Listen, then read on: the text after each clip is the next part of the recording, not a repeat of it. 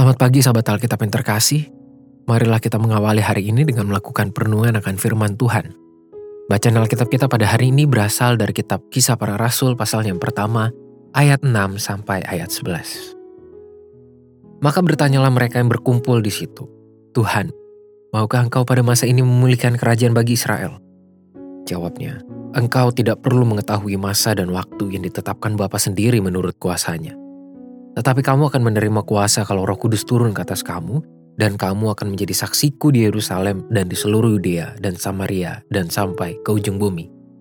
Sesudah ia mengatakan demikian, terangkatlah ia disaksikan oleh mereka dan awan menutupnya dari pandangan mereka. Ketika mereka sedang menatap ke langit waktu ia naik itu, tiba-tiba berdirilah dua orang yang berpakaian putih dekat mereka dan berkata kepada mereka, Hai orang-orang Galilea, mengapakah kamu berdiri melihat ke langit? Yesus ini yang terangkat ke sorga meninggalkan kamu akan datang kembali dengan cara yang sama seperti kamu melihat dia naik ke sorga. Hampir setiap manusia pada umumnya memiliki keinginan atas berbagai hal atau kondisi agar terjadi pada dirinya. Biasanya keinginan-keinginan tersebut adalah berbagai hal yang mendatangkan keuntungan atau dampak menyenangkan bagi dirinya sendiri. Namun ada juga keinginan yang bertujuan untuk mendatangkan hal baik bagi orang lain, meski tidak sedikit juga yang sebaliknya. Intinya, memiliki keinginan adalah sesuatu yang wajar bagi seorang manusia. Persoalannya terletak pada apakah keinginan itu baik atau buruk, apakah keinginan itu tepat atau keliru, dan apakah keinginan itu harus terwujud atau sebaliknya. Pertanyaan-pertanyaan semacam inilah yang muncul di dalam situasi ketika Tuhan Yesus terangkat ke langit di hadapan para muridnya.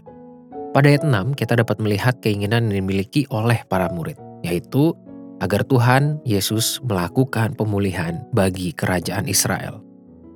Di dalam bahasa politis, keinginan para murid tersebut sangat mungkin untuk dikategorikan sebagai sebuah gerakan revolusi.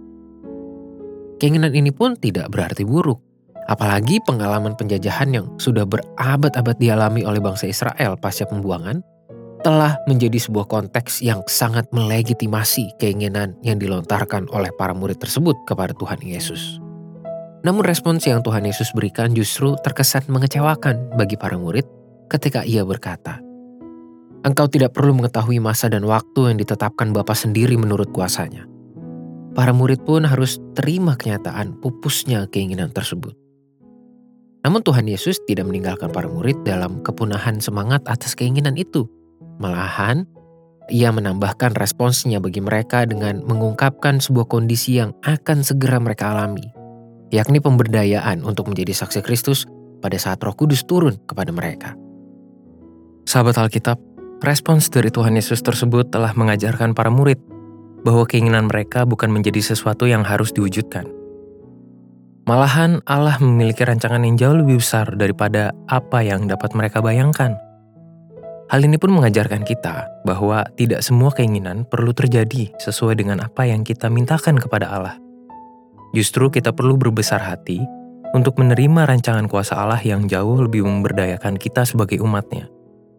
Kita juga perlu menyadari bahwa tidak semua keinginan yang kita miliki sesuai dengan rancangan pemberdayaan Allah.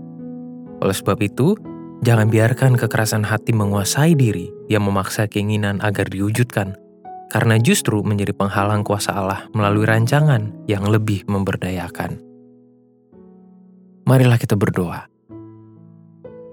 Tuhan, binalah kami, bentuklah hati kami, diri kami menjadi umat yang setia, yang bersedia untuk menerima dan menjalani segala proses rancangan Tuhan. Sebagai manusia tentu kami memiliki keinginan Tuhan, yang kami juga sampaikan kepadamu.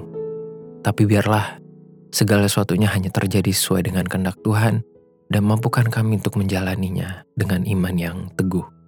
Hanya di dalam nama Tuhan Yesus kami berdoa. Amin.